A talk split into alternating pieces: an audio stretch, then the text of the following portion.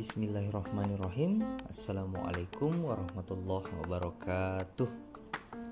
Bagaimana kabarnya Fadil, Akilah dan Alia? Semoga sehat selalu ya. Mudah-mudahan semangat belajarnya tetap terjaga Karena kita habis liburan 4 hari. Sudah puas kan liburannya? Jadi kita akan melanjutkan pelajaran kita ya masa pandemi COVID-19 hari ini jangan lupa untuk tetap jaga kesehatan.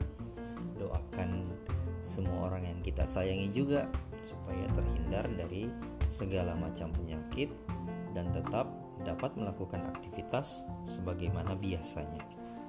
Nah Akila, Alia, Fadil kita sudah ada di pekan ke-16 ini. Semester 1 cuma sampai pekan ke-19 jadi kurang lebih satu bulan atau 3 sampai 4 minggu lagi kita akan mengakhiri semester 1 kita. Tidak terasa kan? Kita akan berpindah dan melanjutkan ke semester 2. Semangatnya harus tetap dijaga meskipun suasana belajarnya suasana belajar di rumah. Tetapi semangatnya harus sama seperti semangat kalau kita berangkat ke sekolah. Oke. Nah, hari ini kita akan lanjutkan pelajaran kita ilmu pengetahuan sosial. Masih ingat kan? Di pekan-pekan sebelumnya kita sudah bahas tentang mobilitas sosial. Ada yang mobilitas vertikal ke atas, ketika misalnya orang tersebut naik jabatan atau kedudukannya menjadi lebih tinggi. Ada juga vertikal ke bawah, ketika kedudukan atau jabatan atau pangkatnya seseorang dari yang tinggi menjadi rendah. Dan juga ada yang mobilitas sosial horizontal. Kalau orang mengalami perubahan kedudukan tapi tingkatnya sama. Masih ingat kan?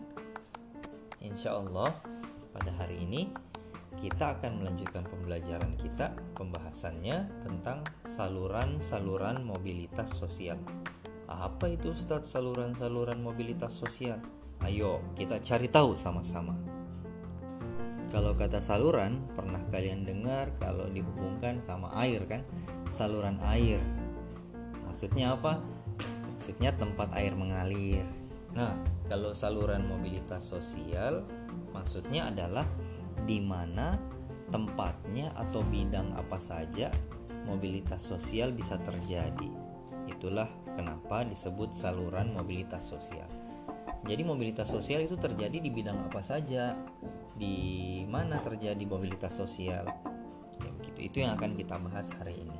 Nah, mobilitas sosial bisa terjadi dalam e, beberapa tempat atau berbagai tempat.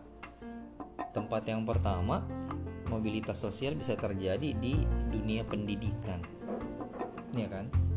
Di dunia pendidikan jadi mobilitas sosial itu sering kali kita dapatkan ketika kita berbicara tentang dunia pendidikan. Misalnya orang yang dulunya keluarganya menghadapi masa-masa sulit dalam kehidupannya, tetapi anak itu tetap berusaha untuk belajar dan ke sekolah.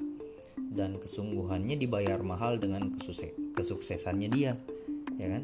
Kita banyak kan dapatkan cerita tentang orang yang eh, kesulitan dari segi ekonomi, tapi ternyata berhasil mencapai pendidikan yang tinggi. Banyak sekali kisah yang kita dapatkan soal itu. Jadi di dalam dunia pendidikan sering kali bisa terjadi mobilitas sosial. Dari guru menjadi kepala sekolah, dari kepala sekolah menjadi pemilik sekolah, itu semua berhubungan dengan mobilitas sosial dalam dunia pendidikan. Nah, hal lain atau tempat lain mobilitas sosial itu bisa terjadi di organisasi politik ya kan? Kalau di Indonesia kita kenal yang namanya partai. Di partai orang itu bisa mengalami mobilitas sosial. Kita jadi dari anggota dewan dari terus jadi wali kota atau jadi bupati gubernur sampai jadi presiden dan lain-lain jadi di organisasi politik juga sering kali terjadi mobilitas sosial. Bukan cuma vertikal ke atas, tapi bisa jadi vertikal ke bawah. Contohnya apa? Misalnya presiden yang dulunya jadi presiden setelah masa jabatannya berakhir, maka dia turun. Dia tidak lagi menjadi presiden. Itu kan namanya mobilitas sosial vertikal ke bawah. Jadi, banyak bisa didapat contoh-contohnya dalam organisasi politik. Nah, kalau yang ketiga, bisa juga terjadi mobilitas sosial di organisasi yang berhubungan dengan ekonomi. Contohnya apa? Contohnya misalnya kayak koperasi, ya kan? Contohnya misalnya lembaga-lembaga keuangan. Itu bisa terjadi mobilitas sosial, baik vertikal, horizontal, ataupun vertikal ke atas ataupun vertikal ke bawah.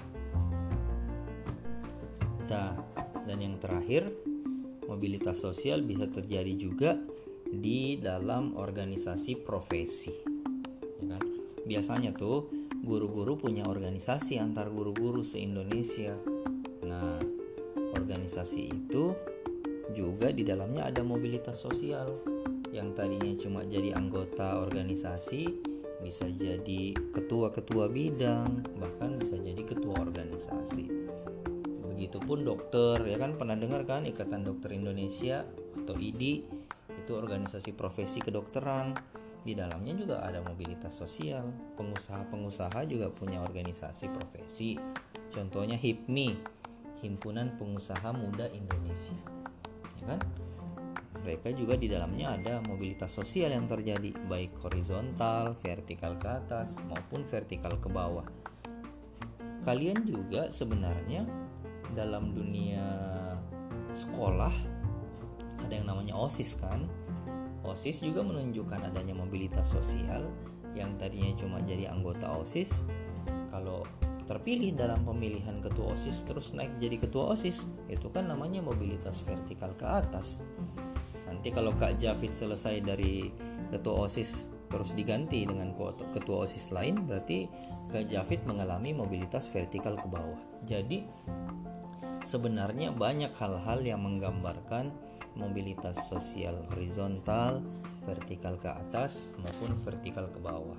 Tadi Ustadz menjelaskan empat tempat atau empat saluran mobilitas sosial bisa terjadi.